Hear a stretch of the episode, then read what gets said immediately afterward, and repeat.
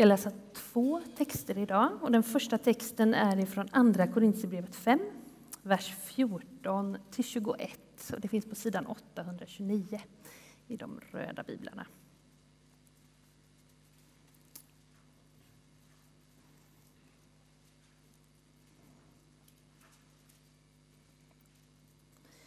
Kristi kärlek lämnar mig inget val. Ty jag har förstått att om en har dött för alla, då har alla dött. Och har han dött för alla, för att de som lever inte mer ska leva för sin egen skull, utan för honom som dog och uppväcktes för dem. Därför bedömer jag inte längre någon på människors vis. Och om jag också har uppfattat Kristus på det sättet, så gör jag det inte nu längre. Den som är i Kristus är alltså en ny skapelse.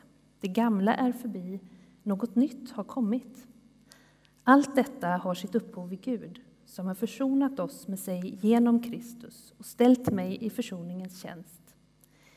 Ty Gud försonade hela världen med sig genom Kristus. Han ställde inte människorna till svars för deras överträdelser och han anförtrodde mig budskapet om denna försoning.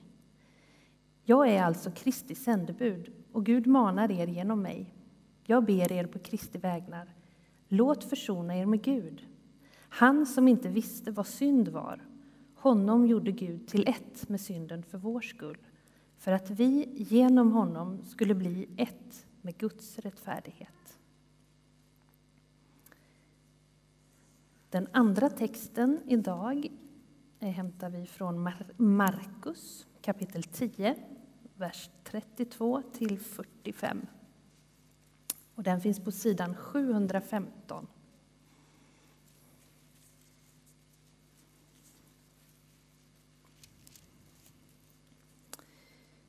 De var nu på väg mot Jerusalem och Jesus gick först. De var fyllda av bävan och de andra som följde med var rädda. Då samlade han de tolv och talade om för dem vad som skulle hända med honom. Vi går nu upp till Jerusalem. Människosonen skall utlämnas åt översteprästerna och de skriftlärda och de ska döma honom till döden och utlämna honom åt hedningarna som ska göra narr av honom och spotta på honom, prygla honom och döda honom. Och efter tre dagar ska han uppstå. Jakob och Johannes, Sebedaios söner, gick fram till honom och sa Mästare, vi vill be dig om en sak. Vad vill ni att jag ska göra för er? frågade han. De svarade Låt oss få sitta bredvid dig i din härlighet, den ena till höger och den andra till vänster. Jesus sa ni vet inte vad ni ber om. Kan ni dricka den bägare som jag dricker eller döpas med det dop som jag döps med? De svarade Ja, det kan vi. Jesus sa Den bägare som jag dricker skall ni få dricka och det dop som jag döps med skall ni döpas med. Men platserna till höger och vänster om mig kan jag bara ge dem som har bestämts därtill. När de andra tio hörde detta blev de förargade på Jakob och Johannes. Och Jesus kallade dem till sig och sa Ni vet att de som räknas som härskare är herrar över sina folk och att furstarna har makten över folken. Men så är det inte hos er. Den som vill vara stor bland er ska vara de andras tjänare. Och den som vill vara den första bland er ska vara allas slav. Människosonen har inte kommit för att bli tjänad, utan för att tjäna och ge sitt liv till lösen för många. Så lyder det heliga evangeliet.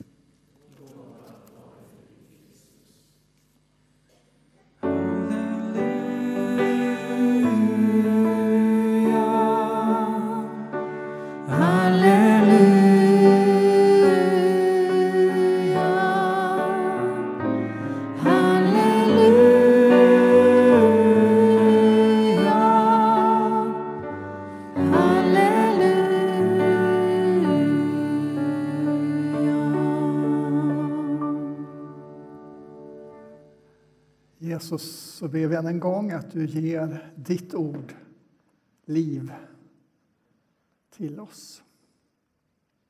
Amen. Varsågod och sitt. Vad har älgar i Blekinge med Jesus att göra? Jag ställde den frågan när jag samtalade en gång med min vägledare. Alltså ett samtal som kan handla om vad som helst men som till slut landar in i var finns Gud i detta? Och nu hade jag tagit fram ett, ett, eh, eller refererat till en artikel jag hade läst om att älgstammen i Blekinge var i farozonen. Och utifrån detta kom det att bli ett samtal. Var finns Gud i det här? Har älgarna i Blekinge någonting med Jesus att göra? Ja, ärligt talat, så jag kommer inte så mycket ihåg hur det samtalet gick, för det är ett tag sedan. Men jag minns att det tog tid för mig, lång tid, månader innan jag kunde svara på den frågan själv. Därför att svaret satt långt inne hos mig innan jag riktigt kunde ärligt ge det ett svar. Och jag påminner om den här händelsen när jag i veckan läste dagens texter. Inte minst texten i Korinthierbrevet. Och jag ska återkomma till det alldeles strax. Men låt oss börja med Markus berättelsen om Jesus och lärjungarna där. Här är vi i kapitel 10 i en, i en situation som Jesus så ofta är med sina vänner. Han är ute och vandrar. Och jag vet att det är många av oss som gillar att vandra, inte minst i vår tid. Men de här vandrade året om i alla möjliga ställen. Oftast var de ju uppe i norra Israel och vandrade. Och ofta var det mellan olika byar. Och ibland när man läser så kan man känna att det verkar liksom gå lite grann på måfå.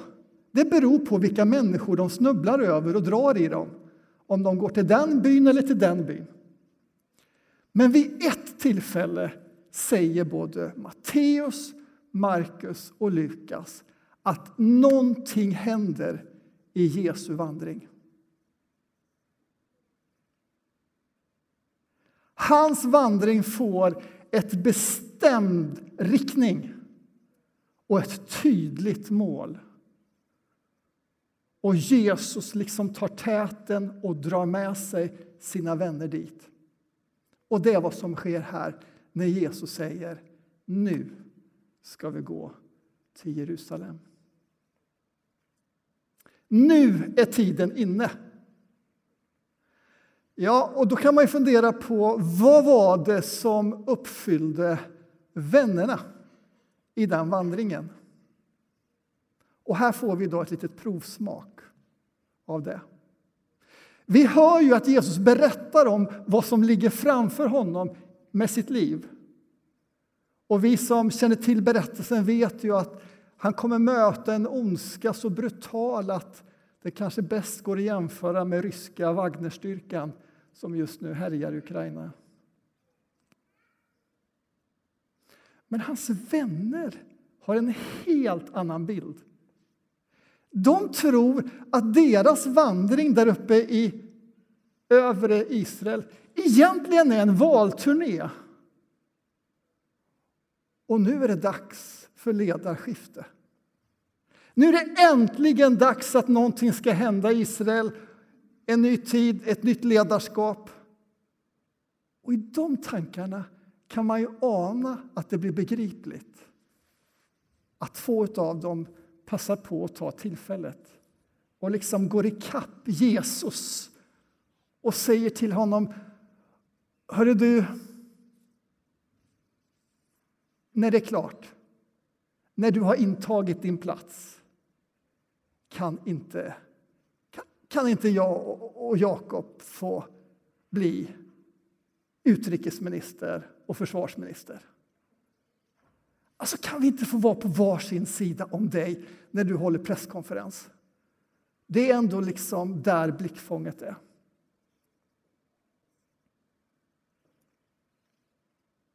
Och så hör vi Jesus svar. Men det vi också kan fundera på är ju vad fyllde Jesu tankar den här vandringen till Jerusalem? Vi anar vad som fyllde hans vänner. Vad fyller Jesus? Vi vet att han vet vad som är på gång. Men anar vi vad innebörden av det är? Och då kanske vi känner att ja, som kyrkvan så anar vi och vet vi och har koll på det. Men låt oss gå till den andra texten där Paulus försöker ge lite inblick i vad som var på gång. Andra Korinthierbrevet.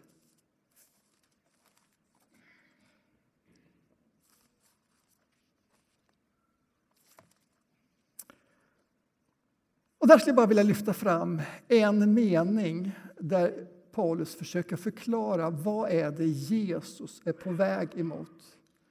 Och det är en mening som jag tror att du kommer kanske till att börja med känna att ja, men kanske en viss gäspning ibland vi hör de här meningarna som återkommer ganska ofta.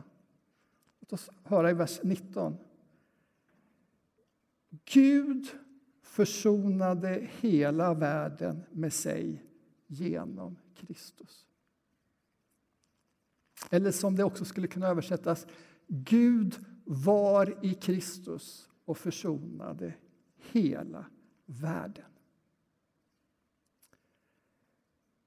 Det här är vad som rör sig förmodligen i Jesu liv, tankar. Han ska försona hela världen. Och om vi bara börjar med det. Världen är enkla ord som förekommer ju egentligen i varje kapitel i Bibeln. Ändå behöver man fråga sig när man kommer till det ordet vad menar Bibeln när den säger världen? Därför att den kan mena både stjärnevärlden och den kan mena skapelsen, mänskligheten och den kan mena den där fallna världen som inte alls vill ha med Gud att göra. Så när du läser Bibeln och det ordet dyker upp, bara fundera lite grann. Vad är det för värld som man menar? Och om man inte riktigt får koll på det så kan ett bra sätt vara att försöka gå till en annan text som talar om precis samma sak och se, får jag en bättre förklaring där? Exempelvis kan vi gå till Kolosserbrevet 1 och 20 som säger exakt samma sak, men med några andra ord.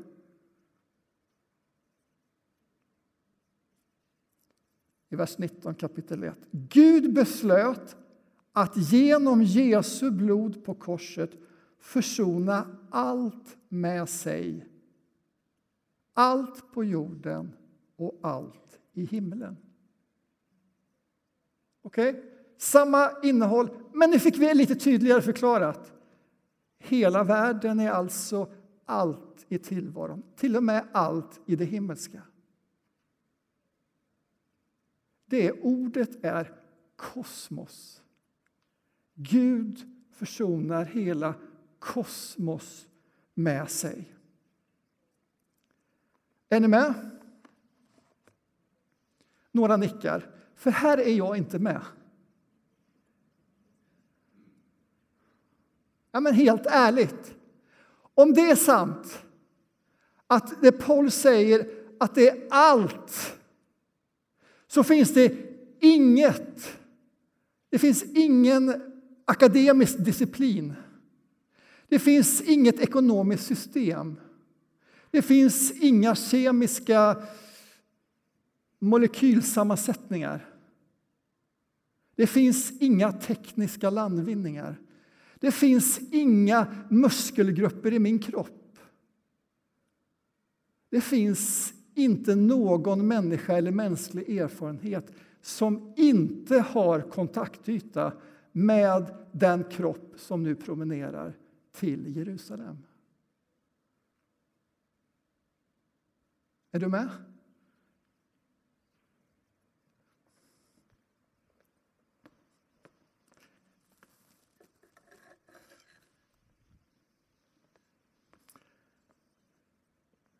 Kosmos, allt är förenat i denna kropp. Relaterad till denna kropp Och så säger Paulus försonad i och genom denna kropp.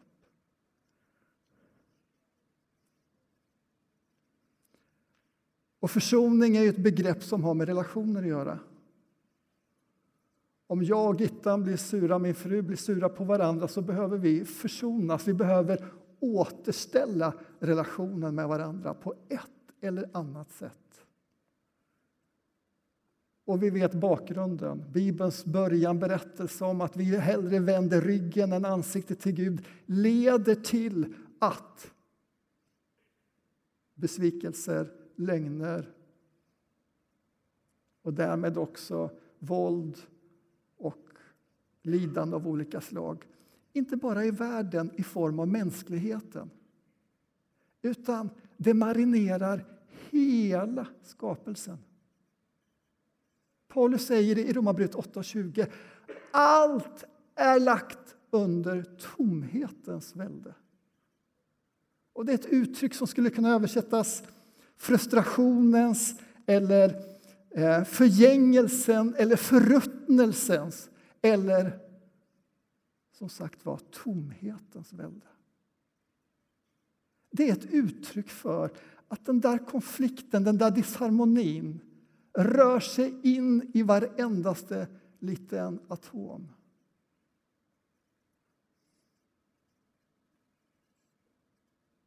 Allt är lagt under det, och vi möter det dagligen, eller hur? Antingen så är det sårade storpolitiker som försöker med maktfullkomlighetens språk ta sig ton i världen. Eller så möter vi det genom luften vi andas som vi vet har den högsta koldioxidhalten på fyra miljoner år. Eller så möter vi det, kanske i våra stressade kroppar och orosfyllda själar. Det är någonting som inte är riktigt i harmoni. Allt är skapat och lagt under tomhetens välde. Och så säger Paulus, allt är också försonat i den kroppen. Det är en verkligen trons mysterium. Och när Paulus är som mest förundrad och kanske jag ser honom nästan gå ner på knä, för vad ska man göra annat inför ett sånt mysterium? Så säger han också att detta har han lagt på mig eller på oss att förmedla. Han säger så här i vers 20. Jag är alltså Kristi sändebud. Och egentligen, läser man andra översättningar så talas det om vi här hela tiden. Det handlar inte bara om Paulus. Han har anförtrott oss detta. Han, egentligen står det att vi är vi är anförtrodda att vara försoningens ambassadörer. Det vill säga ta med oss denna kropp som kvävdes till döds i Jerusalem och det som sker där. Ta med oss det in i akademin, in i ekonomin, in i våra relationer och in i allt det tänkbara som är vårt kosmos, våra liv.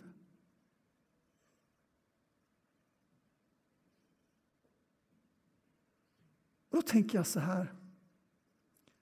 Att när Jesus går där på vandringen, på väg mot detta som han vet är på väg ska ske så tror jag att han blir glad över lärjungarnas frågor. Inte för att de hade fattat allting rätt. För vem gör det? Vem läser av tiden? Vem förstår riktigt allt. Självklart inte. Men om han gick med dem och visste det här är det jag är på väg mot och det är det här ni ska förmedla till kosmos så tror jag att han blev glad över att de gick ikapp honom och faktiskt berättade vad som låg i deras liv. Om den längtan och det som uppfyller deras tankar, det vill säga kan jag inte få sitta på din sida i riksdagen och regeringen. Därför att är inte förutsättningen för att ta med sig detta ärende ut i det som är vårt livskosmos att bjuda in honom först i vårt kosmos här. För jag är åtminstone som lärjungarna, jag vet inte om du känner igen dig, att jag håller ett antal rum stängda. Antingen för att jag tänker, det där har du nog inte så mycket med att göra.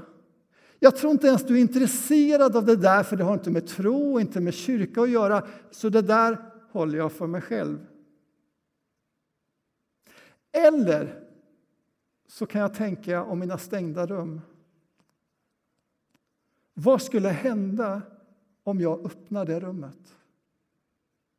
Om jag delar den längtan eller delar den situationen eller de frågorna som jag lever med. Vad kommer du att göra? Vad händer om jag tappar och lämnar över lite kontroll? Och det är här vi närmar oss kanske allting och hela denna textens centrum. Därför att vandringen med Jesus till Jerusalem som är kyrkans vandring nu i fastetid till påsk är en vandring där vi bjuds in till att tillsammans med Jakob och Johannes gå lite närmare för att öppna ytterligare ett rum till honom och dela detta med honom. Och när vi gör det så är min bön så är min bön att du och jag ska upptäcka att den vandringen den vandringen som Jesus gick med bestämda steg till Jerusalem är kärlekens vandring på kärlekens väg. Därför att ty så älskade Gud kosmos. Amen.